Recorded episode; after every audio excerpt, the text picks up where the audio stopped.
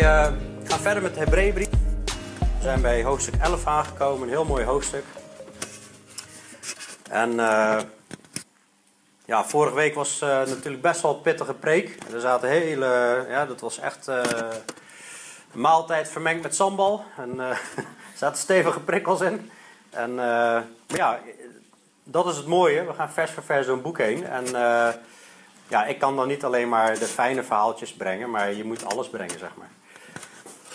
Jezus, de ultieme onthulling van God. Hè? Zo hebben wij de titel maar even genoemd. Het boek heeft geen titel. En uh, het is een relevant en actueel boek. Ik blijf het herhalen. De hele Bijbel is relevant en actueel. En waarom? Omdat heel de schrift is door God ingegeven en is nuttig om daarmee te onderwijzen, te weerleggen, te verbeteren en op te voeden in de rechtvaardigheid. Opdat de mens die God toebehoort volmaakt zou zijn tot elk goed werk volkomen toegerust. We kunnen tot elk goed werk volkomen toegerust worden als we ons laten schuren en schaven door het woord.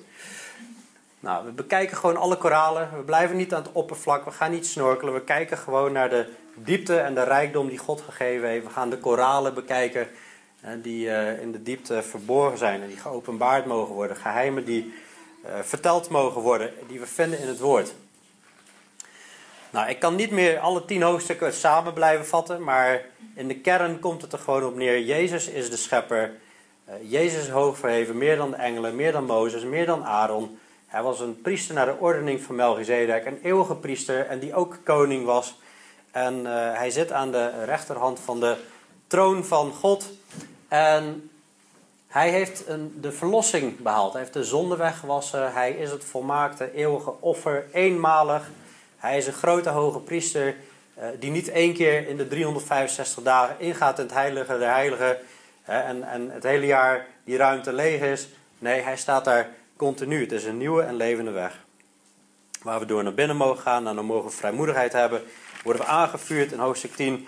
Uh, nader met een waarachtig hart en volle zekerheid laten we de beleiders van de hoop onwrikbaar vasthouden. Laten we op elkaar letten door elkaar aan te vuren tot liefde. Laten we de onderlinge bijeenkomst niet nalaten. En ook een zware waarschuwing op het moment dat wij de Zoon van God gaan vertrappen en willens en wetens gaan, gaan, gaan zondigen. Uh, we mogen Jezus komst verwachten, dat is on, onze hoop. En hij eindigt in hoofdstuk uh, eh, 10, vers 28. Maar de rechtvaardige zal uit het geloof leven. En als iemand zich onttrekt, mijn ziel heeft in hem geen behagen. Wij zijn echter geen mensen die zich onttrekken, heeft hij het over wedergeborenen en daardoor naar het verderf gaan, maar mensen die geloven tot behoud van hun ziel. En dan gaan we, uh, hoofdstuk 11 gaan we in en ik doe vandaag de eerste zes versen. En ik ga eigenlijk aan de hand van ook de Romeinenbrief uitleggen wat uh, geloof eigenlijk inhoudt. De Romeinenbrief is een hele mooie brief die het hele geloof eigenlijk uitlegt. Wat houdt geloof in? Dan neem ik al een voorsprong op Abraham, die later aan bod komt, maar daar staan wat kernpunten in om heel duidelijk te beseffen wat is geloof. En dan gaan we door uh, al die voorbeelden heen. Hoe mensen hebben volhard in dat uh, geloof. We hebben ook uh, dus, dus gezien, pas op voor afdrijven, pas op dat je hart niet verhardt, pas op dat je niet vertraagt of dat traag bent om te horen en uiteindelijk het woord veracht, Jezus veracht. maar de rechtvaardige zal uit het geloof leven. De rechtvaardige wandelt niet zo. De rechtvaardige zal door het geloof leven zie je in Hebreeën 10 vers 38, maar we zien het al in het Oude Testament. Dat is niet ineens een nieuw, een nieuw gegeven wat God geeft, dat is er altijd al geweest. En eh, op basis van het offer van Jezus moeten wij ook God vertrouwen, in God geloven. En dan voor ons geldt, uh, wij nu gerechtvaardigd zijn door het geloof, hebben vrede bij God door onze Heer Jezus Christus. Op het moment dat wij ons vertrouwen, het geloof stellen in Jezus Christus, wordt, wordt alles weer rechtgezet met God. En wij waren niet rechtvaardig, maar het moment dat wij gaan geloven, rekent God ons dat aan als gerechtigheid, als rechtvaardigheid. Ziet hij ons weer als goed, goed aan. Hè? Recht, dat is goed, ziet hij ons weer als goed aan. En nou, in uh, Romeinen 3, daar wordt het geloof eigenlijk behandeld. Romeinen 3 en 4. Dus daar wil ik eerst iets van laten zien. Hij gaat eerst even terug naar de wet en dan zegt hij: Ja, oké, we hebben Israël gezien en Israël eh, die heeft de wet gekregen, maar eh, in de eerste plaats is Israël de woorden van God toevertrouwd. Nou, betekent dat dan dat zij dan daardoor gered zijn? Nee, er is niemand die rechtvaardig is. Ook niet één. Helemaal geen enkel mens is rechtvaardig. Iedereen heeft wel eens gestolen, gelogen of Gods naam verkeerd gebruikt, dat soort dingen. En er is niemand verstandig. Er is niemand die verstandig is. Er is niemand die God zoekt. Ik, ik, ik behandel niet alles, maar even wat kernpunten. De vrezen God staat er niet voor ogen. Ze hebben geen enkel ontzag voor God. Dat hebben wij niet uit onszelf, zeg maar. Wij zoeken God niet, we hebben geen vrees voor God. En dan komt er zo'n wet, maar door de wet wordt elke mond gestopt. En is de hele wereld doemwaardig. De, de wet die laat zien, het zit gruwelijk mis met de mensheid. We zijn in opstand gekomen tegen God. De wet geeft alleen maar kennis van zonde. Maar hoe kom je nou van die zonde af? Hoe word je nou schoongewassen? Hoe word je gerechtvaardigd? Komt hij tot de slotsom en dan zegt hij: De mens wordt alleen door geloof gerechtvaardigd, zonder werken van de wet. En dat is een beetje dubbel, want we zien natuurlijk ook dat uh, in Efeze 2, vers 8, 9 en 10 dat uh, wij zijn gered uit genade door het geloof, niet uit werken, zodat niemand het kan roemen. Niemand kan zeggen: Kijk mij, moet je eens kijken hoe goed ben. Moet je eens kijken hoe goed ik ben. Moet je eens kijken hoe ik heb gekozen om God te gaan zoeken. Nee, het is uit genade door het geloof. Dat is een cadeau van God. De genade is een cadeau, maar het geloof is ook een cadeau. Dat God dat in ons, in ons legt. en, dan, en dan zegt hij, maar als je dan gelooft, dan zijn wij zijn maaksel. Je bent opnieuw geboren. Wij zijn zijn maaksel geschapen in Christus om goede werken te doen. Die God van tevoren heeft voorbereid, zodat wij daarin zouden wandelen. Waarom ga je die werken doen? Omdat je je vertrouwen in God stelt en gelooft dat zijn weg de beste is. En jouw geloof rechtvaardig je. Het is alleen maar door het geloof. En toch zullen we ook zien dat God jouw geloof gaat testen. En hoe jij daarop handelt, zeg maar, dat is of je de test doorstaat of niet. Nou, we gaan eens kijken naar uh, Abraham. Abraham die wordt aangehaald in Romeinen 4 als een groot voorbeeld, als vader in het geloof. Um, wat door geloof gerechtvaardigd worden, leg dat eens uit. Abraham geloofde God en het is hem tot gerechtigheid gerekend. Dat zien we al heel vroeg in Genesis 15, volgens mij uit mijn hoofd. Wat heeft God gezegd tegen Abraham? Abraham, je wordt een groot volk. Abraham, ik maak je naam groot. Abraham, ik zal zegenen wie jou zegenen. Abraham, door jou zullen alle volken gezegend worden. Nou, wat bedoelde God daarmee? Er komt een zegen uit Abraham. Hij was hier het evangelie al aan het onthullen. En dat lezen we in het Nieuwe Testament, dat het evangelie zelfs al aan Abraham verkondigd is. Abraham geloofde dit. Abraham geloofde God dat hij dat ging doen. Maar God gaat dat testen. Nou, geloof is een, is een, een feit. Het geloof is geen gevoel. En dat zal ik uitleggen met wat, wat voorbeelden. Het gaat erom niet hoe sterk het geloof is. Hè. We moeten wel geloof hebben en groeien in het geloof natuurlijk. Maar het geloof gaat veel meer om hoe sterk het object is, zeg maar. Als ik de auto van Maarten naast mijn auto zet en we moeten een wedstrijdje gaan doen. Uh, nou, hij heeft een serieuze motor uh, onder zijn motorkap. Dan heb ik meer geloof in zijn auto dat uh, die iets gaat presteren dan in mijn eigen auto. Het gaat even om het object. Het object is betrouwen. Het is geen blind geloof. Nou, voorbeeldjes. als je bij een verkeerslicht aankomt dan, en die staat op groen, dan heb jij er geloof in, vertrouwen in dat die anderen op rood staan. Omdat uh, dat al beproefd is in het verleden, kom je bij een verkeerslicht aan en denk je er niet meer over na. Jij rijdt gewoon door als het groen is, erop vertrouwen dat de rest op rood staat. Als jij in een vliegtuig stapt, vertrouw je erop dat dat apparaat jou in de lucht gaat houden. Het gaat wel eens een enkele keer mis, maar uh, over het algemeen accepteren we dat. Hè? Dat is 1 op de miljoenen of zo. Uh, dat, we rekenen dat als betrouwbaar. Jullie zijn vandaag op een stoel gaan zitten, omdat je erop vertrouwt dat dat metaal en de kunststof of hout of wat dan ook, dat, uh, dat jou zal houden, zeg maar. Daar, daar stel je je vertrouwen in. als wij zulke bankjes neer hadden gezet, die er een beetje rottend uit zouden zien, dan denk dat je dan enigszins gaat twijfelen van moet ik hier wel gaan zitten.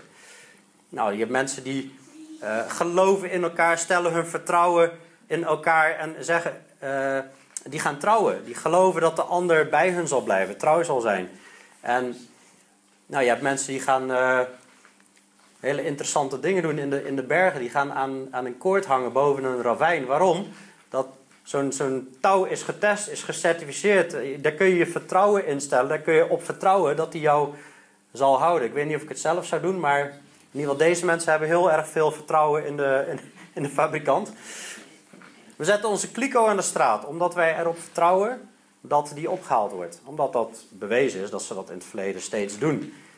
Als ik mijn fiets zou verkopen voor 100 euro dan, en iemand geeft mij een briefje, dan heb ik er vertrouwen in dat dat papiertje, het is maar papier, maar dat dat een waarde heeft van 100 euro. Daar, daar stel ik mijn vertrouwen in. Niet verkeerd bedoeld dat ik mijn vertrouwen in geld stel, maar uh, dat, uh, ik, ik geloof dat dat de waarde heeft van 100 euro op dat moment. En ja, zo is het eigenlijk ook met God. God, daar kun je je vertrouwen in stellen. Nou, hoe ging dat? Um, God die zei op een gegeven moment, die leidde uh, Abraham naar buiten. En die zei, kijk toch naar de hemel en tel de sterren. Als u ze kunt tellen. En hij zei tegen hem, zo talrijk zal uw nageslacht zijn. Nou, we weten inmiddels dat uh, als je alle sterren zou verdelen over ieder individu op aarde, kon je geloof ik al 11 triljard sterren per persoon krijgen of zo. Dus dat, dat zijn best wel wat sterren. En ze weten nog niet zeker of, of ze alles al gezien hebben. Dus uh, hij geloofde in de Heer en die rekende hem dat tot gerechtigheid. Zit in Genesis 15, helemaal in het begin van de Bijbel. Abraham is gerechtvaardigd door het geloof. Het is met hem in orde gemaakt met God. Hij heeft eeuwig leven. Later zegt Jezus, als, en dan haalt hij het verhaal van de brandende braamstruik aan, dat God spreekt over uh, de God van uh, Abraham, Isaac en Jacob. Hè, dat ze nog leven. Hij zegt, ik, ik ben de God van Abraham, Isaac en Jacob. Hij zei niet, ik was de God van Abraham, Isaac en Jacob. Ze leven. Maar dat is interessant. Zijn geloof wordt getest, want hij krijgt een zoon, maar 10, 15 jaar later is die zoon er nog steeds niet. Oh, is God dan wel betrouwbaar? Is, uh, is het wel waar wat God zegt? Hè? Hij was uh, 90, Sarah was rond de uh, 80. Dat zijn geen leeftijden waarvan je denkt, deze mensen gaan nog kinderen krijgen. En, en het duurde nog langer. Dat zie je in Romeinen 4. Hij heeft tegen alles in gehoopt en geloofd dat hij een vader van vele volken zou worden, overeenkomstig wat gezegd was. Zo zal uw nageslacht zijn, dat had God gezegd. En niet verzwakt in het geloof, heeft hij er niet op gelet dat zijn eigen lichaam al verstorven was. Hij was ongeveer 100 jaar oud. Dat is het verhaal dat er twee engelen en, en de Heer zelf bij hem komen en nog een keer bevestigen: over een jaar heb jij een kind. En hij geloofde dat. En dat ook de moederschoot van Sarah verstorven was. En hij heeft aan de belofte van God niet getwijfeld door ongeloof, maar werd gesterkt in het geloof terwijl hij God de eer gaf. Dus, ik bedoel, als je de mensen vraagt, het is gewoon totale onzin. Als, dat iemand van 100 jaar nog zwanger gaat worden en een, en een kind gaat krijgen. En ze zagen zelf ook, ja, nou, het is uh, nagenoeg al dood, dat lichaam. En dan moet er nog een kind uitkomen. Maar bij God is alles mogelijk. En, en dit vind ik zo mooi. Dit is voor mij echt uh, de definitie voor mij, voor hoe geloof eruit ziet. Hij was er ten volle van overtuigd dat God ook machtig was te doen wat beloofd was. Als je een goede definitie wil hebben van geloof, dan is dit voor mij de definitie. Er ten volle van overtuigd zijn dat God ook machtig is te doen wat hij beloofd heeft. En dan kun je toepassen op jezelf. Als God zegt, je ontvangt dat eeuwig leven. Er komt een nieuwe hemel, nieuwe aarde. Alle tranen zullen van de ogen gewissen worden. Er zal geen dood meer zijn, geen ziekte meer zijn. Dan mag je daarin vertrouwen en daarin geloven. Er ten volle van overtuigd zijn dat God ook machtig is te doen wat hij beloofd heeft. Ook al duurt het even, we wachten er al een tijdje op. Heel simpel. Geloof is heel simpel. We moeten worden als kinderen om het koninkrijk van God te zien. Abraham zegt, uh, of Abraham ziet, God zegt, ik krijg een zoon. Plus God doet wat hij zegt. Nou, die rekenen soms samen. Conclusie, ik krijg een zoon. Zo simpel is geloof. Eenvoudiger kan ik het niet uitleggen. God zegt iets, God doet wat hij zegt, dus hij gaat dat doen. En als je kijkt door de eeuw heen, ga de hele Bijbel maar nalezen. God zegt dat Adam zal sterven als ze van die boom eten. Adam sterft. dus het gaat niet. God is trouw, maar ook, ook in, de, in de dingen waarvan hij zegt: niet doen. Pas op als je dat doet, daar is God ook trouw in. Het is niet, niet alleen de mooie belofte, maar ook de minder mooie belofte. God zegt: er zal een vloed zijn. En er was een vloed. God zei: laat er licht zijn en er was licht. God zei: laat er gewas op, opkomen uit de grond en er kwam gewas op uit de grond. Groen kwam er op uit de grond. En zo kun je doorgaan. Als God iets zegt, dan gaat het ook gebeuren. Daar kun je vertrouwen in stellen. Maar dan wordt het helemaal mooi. Abraham die krijgt die zoon, eindelijk. Prijs de Heer zal hij misschien hebben gezegd. Staat er niet in, maar het zal hij vast gedaan. En dan zegt hij op een gegeven moment, Abraham, ik wil dat jij je zoon neemt en ik wil dat je die gaat offeren. Nou, hoe kan dit nou? Dit is die zoon van de belofte en die moet hij gaan opofferen. Nou, door het geloof heeft Abraham, toen hij door God op de proef gesteld werd, zie je dat? Ons geloof wordt op de proef gesteld. Lees maar in de Petrusbrief, onze, ons geloof wordt op de proef gesteld. Maar dat, dat, dat brengt uiteindelijk een vreugde en, en dat brengt iets goeds teweeg, want hè, dat, dat, daarmee vergader je juist schat in de hemel. Toen hij door God op de proef gesteld werd, heeft hij Isaac geofferd. En hij, die de belofte ontvangen had, heeft zijn enige geborene geofferd. Tegen hem was gezegd, dat van Isaac zal uw nageslag genoemd worden. En hij overlegde bij zichzelf dat God bij machten was hem zelfs uit de doden op te wekken. Nou, je, ziet op een gegeven moment in dat verhaal, hij gaat onderweg, Isaac moet dat hout dragen. En hij, Abraham moet zijn zoon opofferen. Het zal een rit zijn geweest. Ze moet op een gegeven moment de berg opgaan. En Abraham die moet gedacht hebben: hoe kan dit nou? God heeft die zoon beloofd. Er is een bovennatuurlijk wonder gebeurd. Die zoon is er gekomen.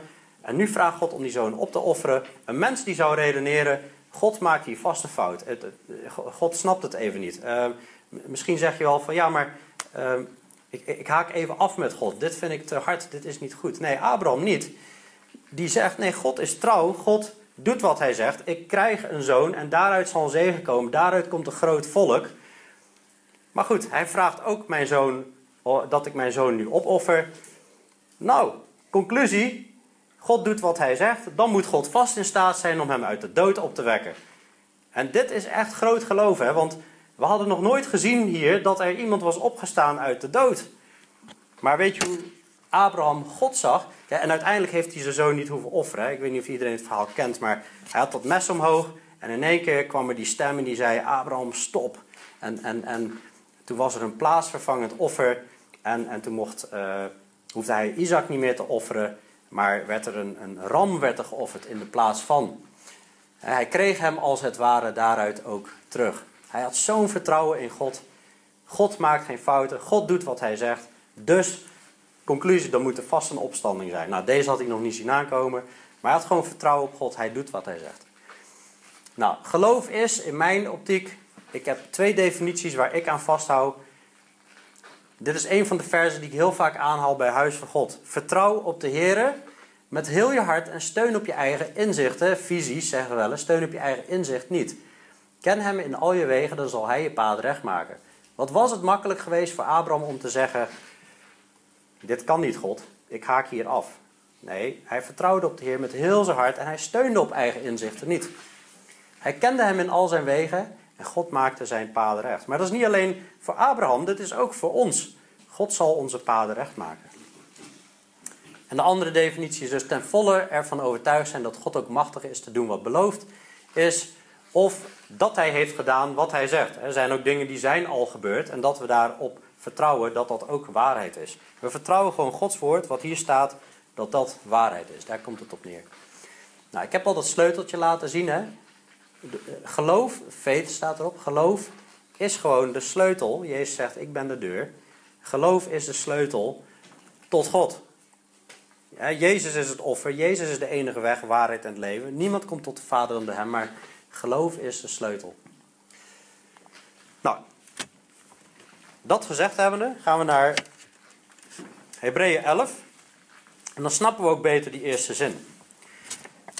Ik vond het altijd een hele moeilijke zin. Dan zeiden mensen: Het geloof nu is een vaste grond van de dingen die men hoopt en een bewijs van de zaken die men niet ziet. En dan zei men: Dit is de definitie van geloof. Maar ik snap er eigenlijk niet zoveel van, van die zin. Maar als ik dit verhaal erbij hoor, dan begin ik dat een beetje te snappen. Het is eigenlijk geen definitie hier, maar eigenlijk zien we de uitwerking van het uh, geloof. Het geloof is een vaste grond. Het geloof is een zekerheid. Het is een zekerheid van de dingen die men hoopt. Welke hoop hebben wij? Dat Jezus terugkomt. Dat dat nieuwe Jeruzalem eraan komt.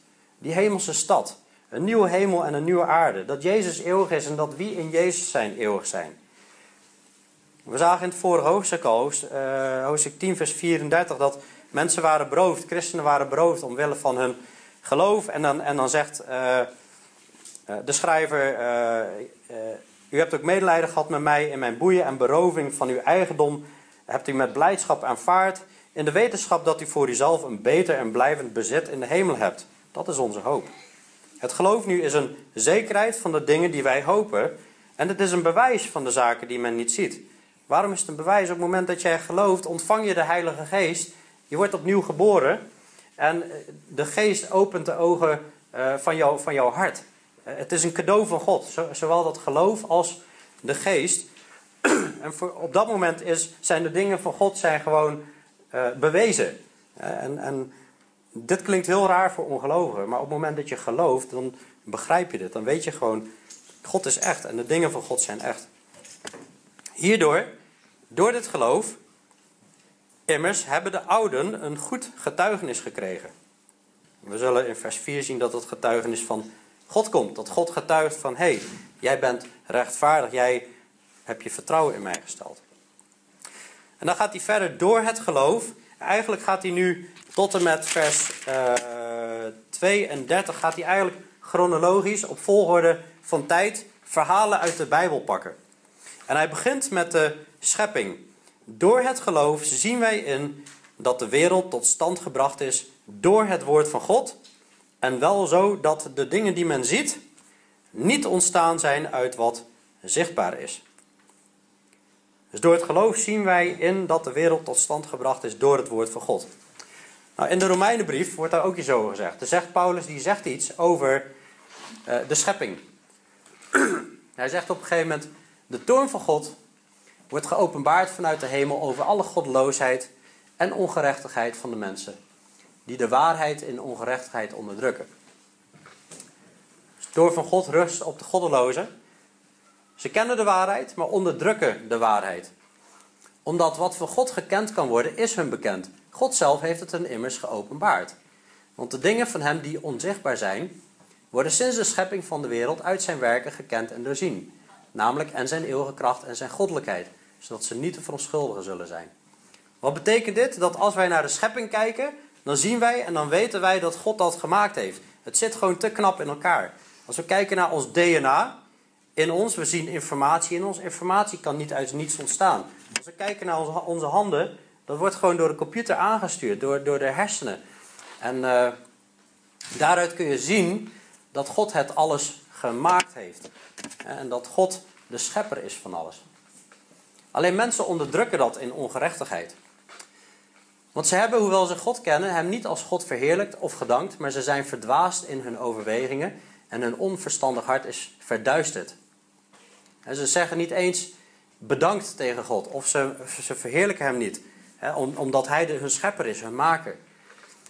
Ze zijn verdwaasd, het zijn dwazen geworden, onverstandig, hun onverstandig hart is verduisterd. Terwijl ze zich uitgeven voor wijzen, zijn zij dwaas geworden. Dan zien we met de schepping en, en evolutieverhaal dat, dat, dat men zegt: we zijn uit niets ontstaan. Niets heeft alles gemaakt. Dat is gewoon dwaasheid, zegt God. En hebben zij de heerlijkheid van de onvergankelijke God vervangen door een beeld dat lijkt op een vergankelijk mens, op vogels en op viervoetige en kruipende dieren. Mensen zetten allerlei afgoden op, maar zelfs de evolutietheorie is eigenlijk ook een, een, een afgod. en ik heb daar. Uh, ik, ik, wil dit illustreren, ik wil dit laten zien. Ik, heb, uh, ik sta niet achter BNN. Dat is eigenlijk best wel, hun zijn best wel grof in de mond en zo. Maar ik werd een keer getipt door iemand. Uh, toen ik een presentatie gaf over schepping evolutie. Dit is heel interessant. Hier zie je ongelovige mensen die gaan kijken naar hoe het evenwichtsorgaan werkt. Dat zit in je oor. En, en dan moet je, moet je goed opletten wat er op het eind in de zaal, wat er, wat er gezegd wordt. Wat ze ontdekken en dan de conclusie die die trekt. Nou, dan kan je je hoofd naar voren doen weer. Doe maar weer terug dan. dan kan je... Mag je je hoofd weer naar voren doen. Ah, oh, nee, nee, oh, nee, niet weer, niet weer.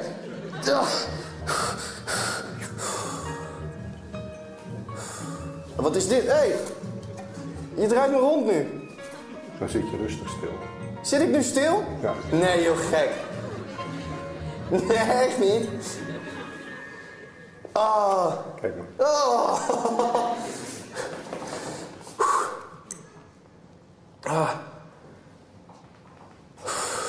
Sensatie, hè? ja, wel, wel. eh, Heel heftig. ik was heel bang voor eh, iets wat eigenlijk wel leuk is. Maar je kan het thuis ook doen op een bureaustoel, hè? Dat is wel Als je de bureaustoel gewoon ronddraait. Doet u en, en je thuis? je went, eh, dan kun je, en dan vervolgens, ja, terwijl je erop zit, even je hoofd naar beneden doen. Ja, dan heb je dezelfde sensatie. We zijn klaar, dus tijd om de resultaten te bekijken. Hij kijkt nu recht vooruit, het oog staat nagenoeg stil. En dan gaan we zo gaan we versnellen.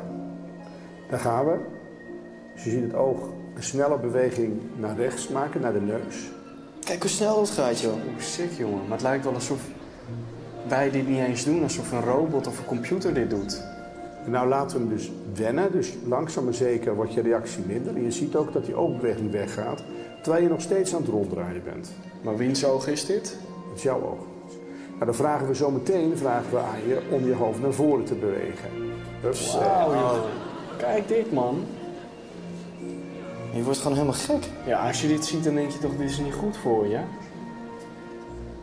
Dit is een beetje wat ik zie, doet me denken aan een epileptische aanval of zo. Zo. gaan we zo meteen vragen om terug te gaan. Dan zal je zien dat het oog de andere kant op begint te draaien. Zo. Zie je hoe snel Oh, die kijk hoe draait? space, jongen. En dus krijgen je hersenen de informatie, je bent rond dat kanaal aan het draaien. Wauw. En dat geeft die sterke reactie. Maar normaal denk je dat een oog altijd zo langzaam gaat. En nu zie je hem gewoon echt pap, pap, pap. Ja. Maar de snelle oogbewegingen worden altijd gestuurd door het evenwichtsorgaan.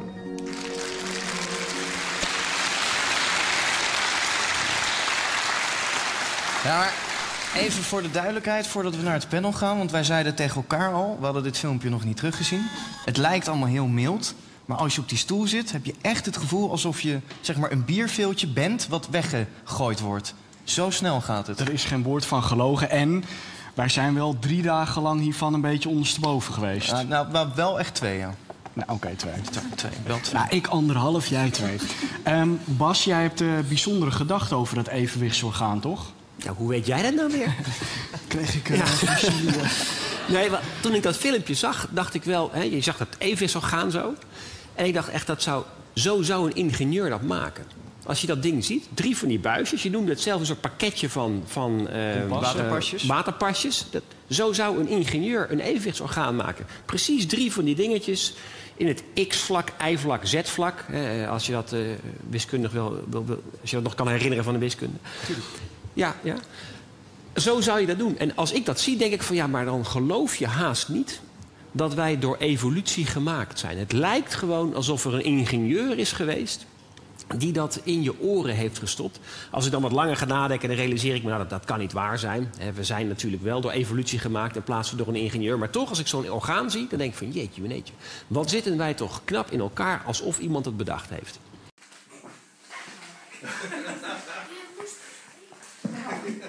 Dit is echt bizar, hè? Ja, ongelooflijk. Hij ziet iets, hij herkent ontwerp, hij herkent dit is het werk van een ingenieur.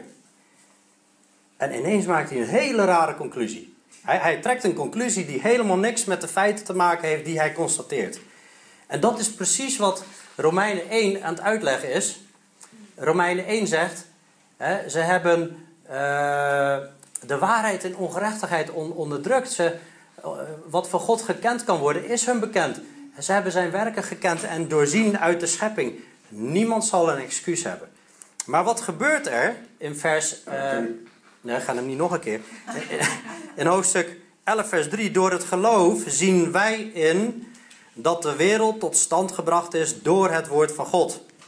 En wel zo dat de dingen die men ziet niet ontstaan zijn uit wat zichtbaar is. Het is ontstaan door het woord van God. God zei, er zij licht. God zei, er is een evenwichtsorgaan. Hij, zei, hij schiep de, de mens. Hij heeft het zo knap in elkaar gezet. Dat herkennen wij. En dan van de hele Bijbel die door ongeveer 40 man geschreven is, hebben wij één stukje die door God zelf geschreven is. Dat zijn de tien geboden. De tien geboden die zijn geschreven door de vinger van God. Dat staat in Exodus 31, vers 18. In de tien geboden staat, eh, hij, koppelt dat aan de Sabbat en de zesdaagse werkweek. In zes dagen heeft de Heere de hemel en de aarde gemaakt, de zee en al wat erin is. We lezen dat in Genesis 1 en 2, in Exodus 31, in Numeri zien we het weer. Dat God heeft het allemaal geschapen. geschapen. Hoe heeft hij het geschapen? In zes dagen. Hoe moeten wij er tegenaan kijken? Dit is onze bril die we opzetten en zo kijken wij naar de schepping. Door geloof zien wij in dat de wereld tot stand gebracht is door het woord van God. En dit zijn heilige woorden. Deze woorden die hebben in het heilige der heiligen gelegen, binnen in de ark van verbond. En ik ga hier niet mee in discussie met de vinger van God. Want God zegt, in zes dagen heeft hij alles gemaakt. Dwazen, mensen die verduisterd zijn in hun hart, maken er een ander verhaal van. Zeggen, nee joh, heeft God dat echt gezegd? Die stem die hoor je al in de Hof van Eden. Oh ja, heeft God echt gezegd dat? En Satan verdraait altijd het woord van God. Nee, we, moeten hier naar kijken met ogen als Abraham. Abraham, God zei, ik heb u tot een vader van vele volken gemaakt. Dit was hij tegenover hem in wie hij geloofd heeft. Namelijk God, die de doden levend maakt en de dingen die niet zijn, roept alsof zij er waren. God die kan dingen roepen alsof ze er zijn. En Jezus bewees ook dat hij de schepper was. Hij, vermenigvuldigde in één keer broden en vissen. En hij veranderde water in wijn. Hij kon gewoon instant dingen scheppen. Dus met die bril kijken wij naar de schepping. En dan zien wij in dat de dingen die men ziet niet ontstaan zijn uit wat zichtbaar is. Nou, en zo heb je meer mensen gehad. Al, al heel vroeg had je Abel. Door het geloof heeft Abel een beter offer gebracht dan Kain. Daardoor kreeg hij getuigenis dat hij rechtvaardig was. Dit heeft God met het oog op zijn gave getuigd. En door dit geloof spreekt hij nog nadat hij gestorven is. Nou, er wordt best wel wat eh, eh, gediscussieerd over waarom was Abels offer nou beter. Was het omdat hij vee offerde, dieren offerde? Eh, had hij dat afgekeken bij, bij God die dierenhuiden maakte voor Adam en Eva? Was dat al dat God had uitgelegd, zonder vergieten van bloed kan geen vergeving plaatsvinden, wat we in Hebreeën ook hebben gelezen? We weten het allemaal niet precies. Wat weten we wel? Door het geloof heeft Abel God een beter offer gebracht dan Kain. Abel vertrouwde op God. Ab- Abel had, zijn had geloof in, in God en daarom bracht hij een offer en kreeg hij getuigenis dat hij rechtvaardig was. Wie zei dat? Dit heeft God met het oog op zijn gave getuigd. En door dit geloof spreekt hij nog nadat hij gestorven is. Abel leeft. Abel is wel gestorven in zijn lichaam, maar hij leeft omdat hij God geloofd heeft. En die heeft hem tot, rechtvaardig, hij, eh, eh, heeft hem gerechtvaardigd door het geloof. En gaan vers 5 zien we, door het geloof werd Henoch weggenomen. Wat weten we nou van Henoch? Helemaal niks weten we van Henoch. We zien een lijst van mensen in het Oude Testament, in Genesis. Die man die kreeg die zoon en hij stierf. En die kreeg die zoon en hij stierf op die leeftijd. En die kreeg die zoon en hij stierf op die leeftijd. En dan zie je in één keer, en Henoch, hij wandelde met God en hij was niet meer. En hier lezen we, door het geloof werd Henoch weggenomen. Opdat hij de dood niet zou zien. En hij werd niet gevonden omdat God hem weggenomen had. Voor zijn wegneming kreeg hij namelijk het getuigenis dat hij God behaagde. We zien meer van deze wegnemingen. We zien de wegneming van Elia. Die staat wel uitgebreid omschreven hoe hij met de vurige wagen opgenomen wordt. Maar ook de christenen, daarover staat dat ze opgenomen zullen worden. En de doden die in Christus zijn, zullen bij de roep van de bezuin zullen opgenomen worden. En hun die levend overgebleven zijn, zullen ook meegaan naar een ontmoeting met Jezus in de lucht. Dat is 1 Thessalonicense hoofdstuk 4. Zo is Henoch ook weggenomen. Voor zijn wegneming kreeg hij getuigenis dat hij God behaagde. Waarom behaagde hij God? Omdat hij hem geloofde. En we zien in vers 6 de, de, de andere kant. De andere kant als we God niet geloven. Zonder geloof is het onmogelijk God te behagen. Want wie tot God komt, moet geloven dat hij is, dat hij dus bestaat, dat hij de, eh, degene is die zegt: Ik ben die ik ben. Hij heeft geen eh, verleden en, en toe, hij is eeuwig, zeg maar. En ehm, ehm, wat ik daarmee wil zeggen, hij is tijdloos. Eh, klinkt een beetje raar, hij heeft geen verleden, hij heeft wel verleden. Maar hij, hij is tijdloos, hij staat buiten de tijd. Hij is. Want wie tot God komt, moet geloven dat hij is en dat hij beloont wie hem zoeken. God is een goede God. En God beloont wie hem zoeken. En wie zoeken hem? Degenen die hem willen volgen, die zich willen bekeren en hun vertrouwen in God stellen.